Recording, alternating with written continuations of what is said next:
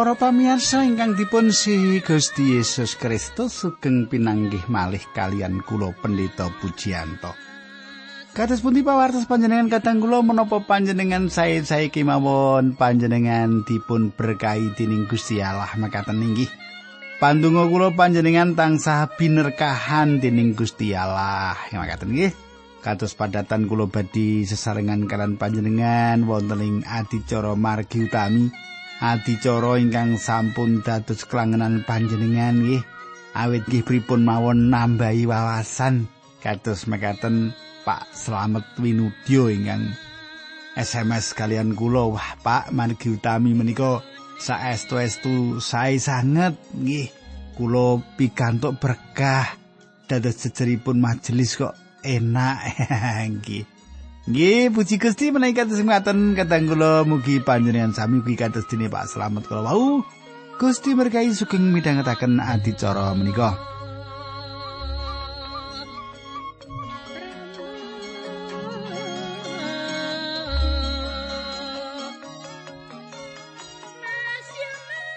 Para pamirsa ingkang kula tresnani menapa panjenengan tasih kemutan menapa ingkang kula aturaken untuk pepanggihan kepengker tentunipun panjenengan tasih kemutan wonten ing pepanggihan kepengker kita sampun nyemak Paulus nyetakaken pilih tiang pitados sajatosipun gadah dasar gadah pondasi gadah landesan ingkang sami. Inggih menika sinten? Inggih menika Gusti Yesus Kristus.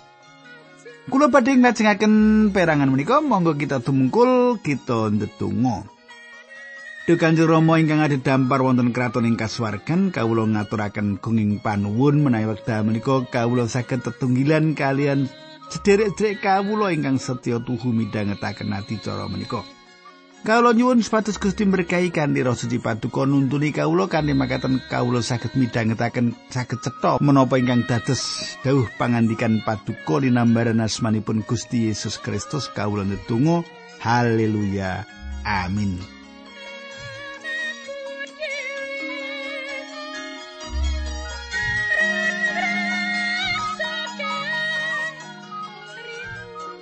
Para pamirsa, samenika pasinaon kita sampun lumebet ing kitab setunggal Korintus bab sekawan. Samenika pasinaon kita sampun lumebet ing kitab setunggal Korintus bab sekawan, ing salebetipun pasal menika Paulus ngrembak gegayutan kahanan para abdi Sang Kristus lan inggih menika kados makaten menika ingkang kedah dados laku jantranipun tiang Kristen. Ing salebetipun pasal menika Paulus ngrembak kegayutan kahanan para abdi Sang Kristus. Lan inggih ingkang kados makaten menika ingkang kedah dados laku jantranipun tiang Kristen panjenengan semak ayat setunggal. Mulane aku iki padha anggepen para abdine Sang Kristus sing dipitaya rumeksa marang wewadine Gusti Allah sing gegayutan karo kayekten. Para pamirsa, kita sedaya menika para abdining Sang Kristus. Sinten? Para abdinipun Sang Kristus. Minangka jejeripun tiang pitados utawi minangka jejeripun peladosipun Sang Kristus. Kita gadah tanggal jawab dumateng Sang Kristus. Kita sedaya menika pelados pelayan. Panjenengan menika kalebet dados juru pamucal. Duka panjenengan remen utawi mboten. Minangka jejeripun tiang pitados, sayektosipun kita nglantaraken sawetawis pangandikan lumantar gesang kita. Panjenengan sayektosipun sawek meratelaken satunggalipun perkawis dumateng jagat lan tiang-tiang ing sakiwa tengen panjenengan. Panjenengan boten saged nyingkiri kula gesang kangge panjenengan lan panjenengan gesang kangge kula. Inggih kados makaten menika wontenipun kita gadah daya pengaruh kados makaten menika. Lajeng pangandikan ingkang kados menapa ingkang panjenengan badhe aturaken, badhe gelaraken. Panjenengan katosaken minangka jejeripun peladosipun Sang Kristus, panjenengan menika sing dipitaya rumeksa wewadine Gusti Allah. Ing jamanipun Paulus, tiang ingkang dados pelados inggih menika tiang ingkang ngatur rumah tangga ingkang dados darbe ing piyambakipun. Pelados menika gadah tugas atas griya. Pelados menika gadah tugas atas tatadan. Pelados menika gadah tugas atas sandangan lan sanes-sanesipun. Pelados menika badhe ngaturaken menapa kemawon ingkang dipun betahaken dening rumah tangga menika. Kados makaten menika jejeripun Platos Sang Kristus ingkang kedah ngedum pangandikanipun Gusti Allah dumateng anggota-anggota keluarga. Ing mriki wangsul malih kita manggihaken tembung wadi. Emut bilih wadi inggih menika perkawis ingkang dereng dipun pratelaken saderengipun nanging samenika dipun mangertos. Wadi menika mboten saged dipun mangertosi manungsa limrah. Namung Sang Roh Allah ingkang saged mangertos perkawis-perkawis kegayutan Sang Kristus lan nedahaken wadi menika dumateng kita. Wadi menika sejatosipun inggih menika Injil pangandikanipun Gusti Allah. Kita ketangetum wadi-wadi menika. Para pamirsa, sasampunipun nglebetaken pasemon wadinipun ing salebetipun Matius 13 ayat setunggal. Gusti Yesus ndangu dumateng muridipun, "Kowe apa padha ngerti tegese pasemon kuwi mau kabeh?" Wangsulane sing padha didangu inggih sampun mangertos. Nanging manut kula para murid menika dereng saestu-estu paham ing wedha semanten. Gusti Yesus ugi mboten ngendika menapa para muridipun menika saestu mangertos menapa mboten. Nanging Gusti Yesus nglajengaken kanthi ngendika dumateng para murid menika. Mulane saben ahli Torat sing wis dadi umat kratoning Allah kuwi kena diumpamake tuan rumah sing ngetokake barang-barang sing pengaji sing anyar lan sing lawas saka ing gudangi. Matius 13 ayat 50 kali Inggih kados makaten menika kedahipun ingkang kedah dipun tindakaken minangka jejeripun pelados wadining Allah. Martosaken perkawis-perkawis singgal lan perkawis-perkawis ingkang dangu saking pangandikanipun Gusti Allah. Inggih menika timbalan kita minangka jejeripun pelados Allah. Ora kok dadi wong Kristen mung meneng ae seprono seprene ora tau nggelarake pangandikane Gusti Allah marang wong liya babar blas Kristen tak apa gitu. Ayat kali. Tumrapipun abdi sing dipitaya kaya mengkono mau sarate mung siji ya kuwi setya marang bendarani. Para pamirsa, panjenengan katosaken pinter ngomong utawi gadah kathah ganjaran kasukman boten kedah wajib tumrapipun tiang ingkang dalos pelados. Ganjaran kasukman wasis pinter ngomong menika boten wajib. Ingkang dipun tuntut inggih menika setya. Badhe kathah tiang ingkang nampi pituas ing satunggalipun dinten mangke. Mboten awit tiang-tiang menika nindakaken perkawis ingkang ngidapi-dapi utawi awit gadah ganjaran kasukman ingkang ageng nanging awit para pelados menika setya ing salebetipun menapa ingkang dipun tindakaken lan kados pundi para pelados menika nindakaken pendamelan menika Sadangunipun kula dados pangenipun pesamuan, kula sinau pilih tiang ingkang setya menika namung sekedhik kemawon. Sekedhik ora akeh. Ayat 3 lan sekawan setunggal Korintus bab sekawan. Aku ora merduli penganggepmu utawa penganggepe wong liya tumrap awakku dhewe. Aku ora rumangsa salah. Nanging ora teges aku iki ora duwe keluputan sing ngadili aku iki Gusti piyambak. Para pamirsa, kali ayat menika sayektosipun ngatingalaken dumateng kita tigang pengadilan ingkang kedah kita adepi. Kali ayat menika nyukani mangertos kita bilih panjenengan boten gadah hak ngadili kula lan kula boten gadah hak ngadili panjenengan. Awet kita badhe jumeneng wonten ngarsanipun pengadilan ingkang langkung inggil. Angka setunggal pengadilan ingkang kawitan. Inggih menika pengadilan limprah. Pengadilan menika pengadilan alandesan pemanggihipun tiang sanes. Paulus meratelaken aku ora merduli penganggepmu utawa penganggepe wong liya tumrap awakku dhewe. Ing salebetipun perangan menika Filipus nyukani tafsiran ingkang saya sanget. Sak benere sepele banget kangguku babagan apa kang kowe utawa wong liya pikirake gegayutan karo aku. Setunggal Korintus sekawan ayat 3 tafsiranipun Filipus. Menika sanes panjarwa ingkang harapia nanging satunggal tafsiran ingkang sae. Menika satunggalipun kasunyatan ingkang nampek lan kepiringipun Paulus kados-kados antisosial.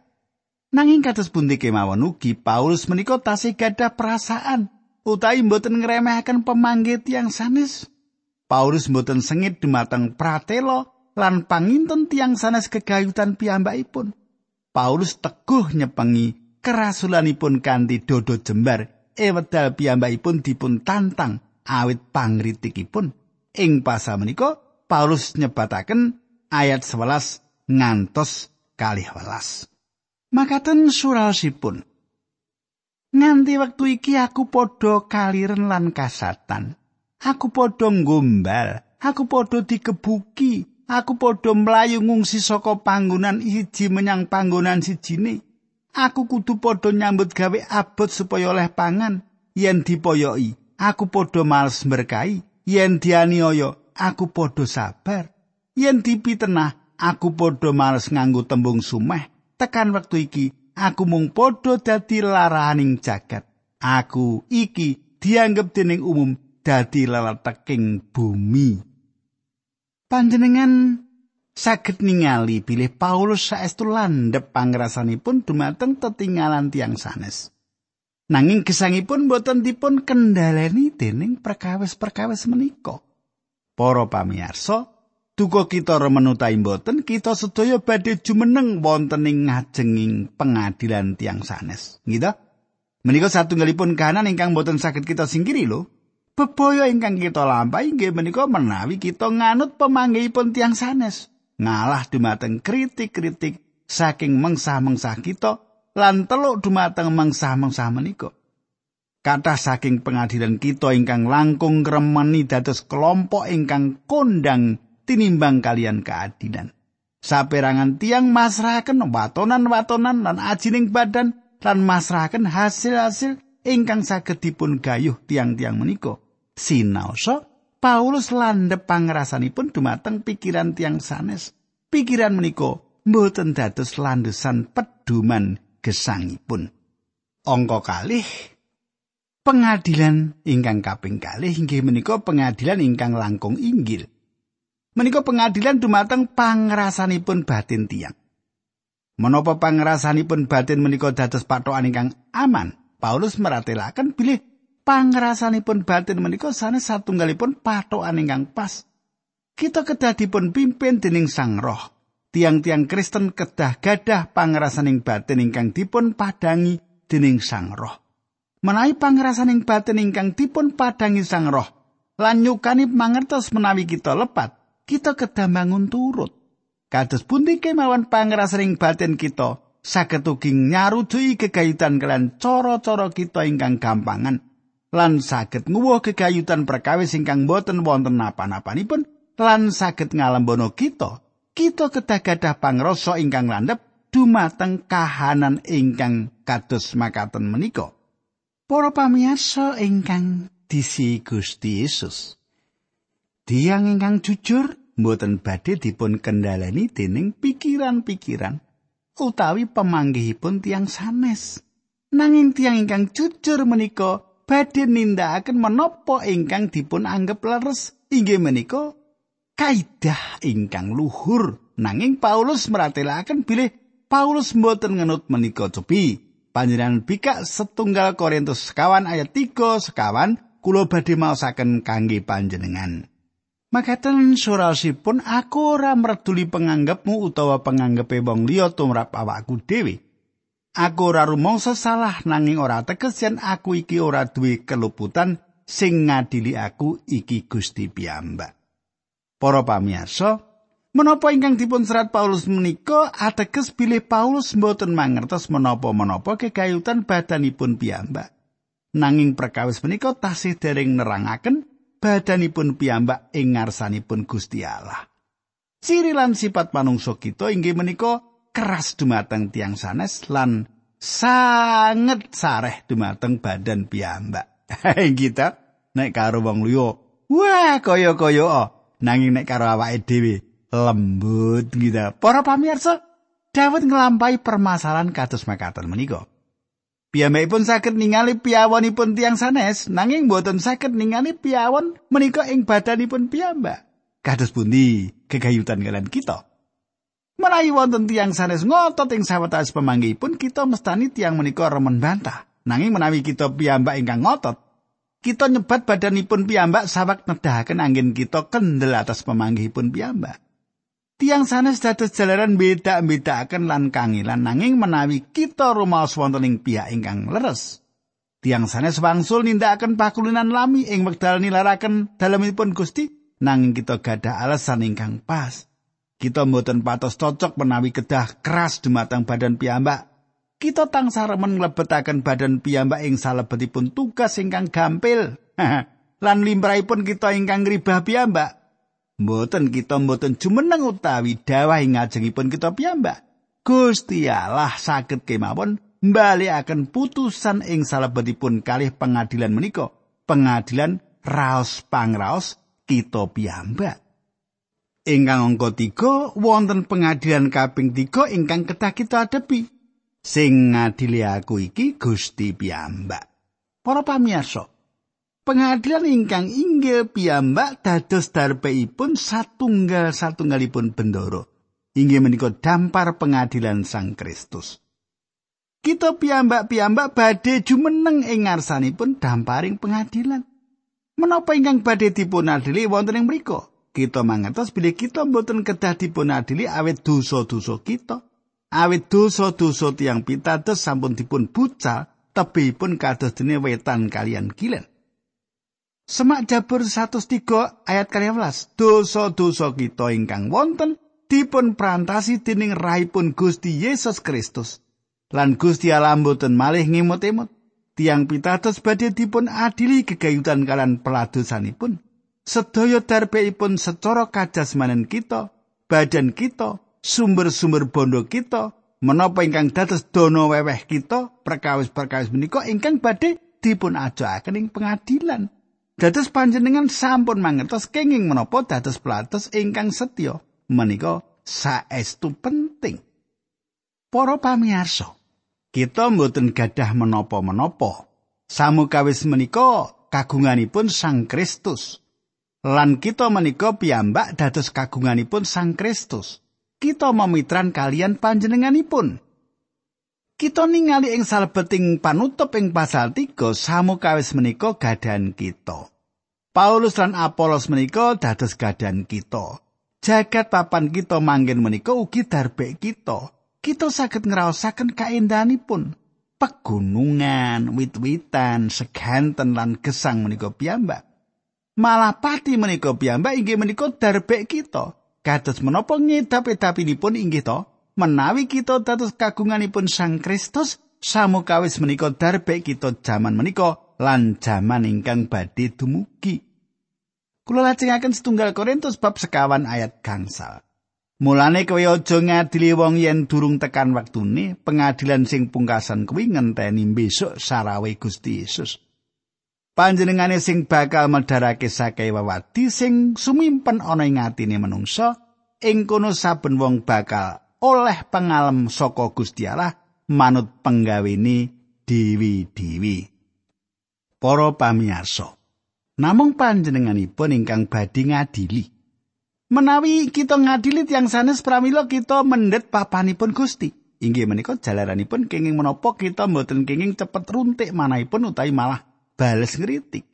Gusti Allah badhe ngadili kita kanthi adil lan panjenenganipun pirsa sedaya kanyatan. Pendamelan pepeteng ingkang kasingitaken badhe kabikak cetha ing ngarsanipun Gusti Yesus Kristus inggih menika jalaranipun kenging menapa kita kedah saestu ngatos-atos kanthi cara gesang kita ing wekdal samenika.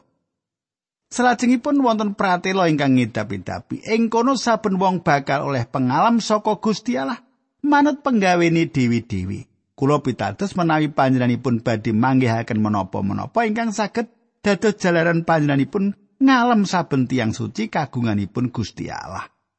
Ing salebetipun kitab Wahyu Sang Kristus ngalem pitu gereja ing Asia Alit, kajawi Laodikia. Ingkang saged ugi mboten saestu itu dados gereja kagunganipun. Gusti Allah ngalem gereja-gereja mboten kalebet kalepatan-kalepatanipun. Manut kula panjenenganipun badhe gadah patrap sami sumanaipun dumateng saben pribadi.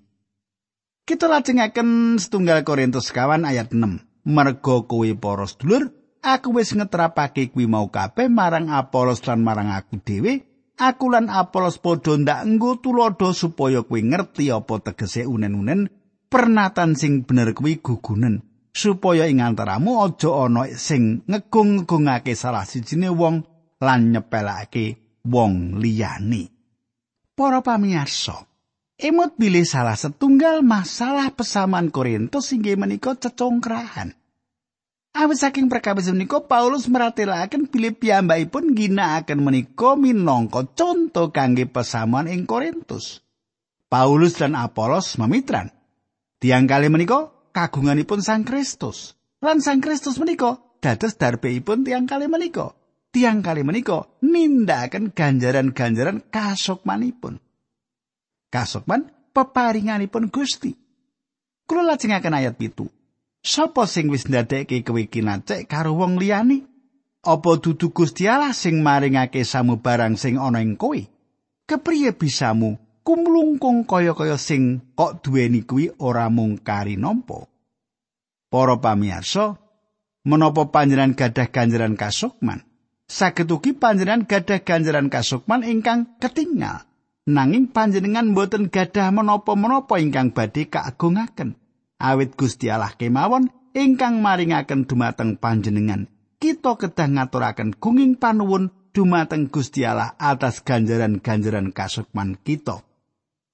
kita lajengaken ayat 8 lan 9. Pancen kowe wis ora butuh apa-apa meneh.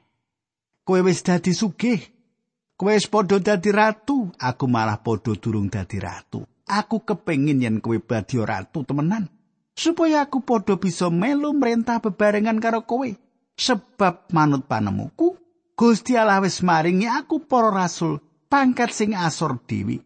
Kaya dene wong-wong sing ditibani paukuman pati ana ing ngarepe umum supaya dadi tontonan para malaikat lan manungsa. Para pamirsa, rasul-rasul ing jaman kedah pejah awet keyakinanipun damel tontonan ageng kangge jagat. Para rasul mboten namung dados tontonan jagat ing wedha semanten nanging ugi dados tontonan para malaikat lan manungsa lan manut kula menika ugi ingkang dumados ing kita jaman kita menika. Cobi kita lajengaken ayat 10, 11, 13, 13. Krana Sang Kristus aku dadi wong sing bodho nanging kowe dadi wong-wong Kristen sing wicaksana. Aku padha dadi wong sing tanpa daya nanging kowe dadi wong-wong sing rasa.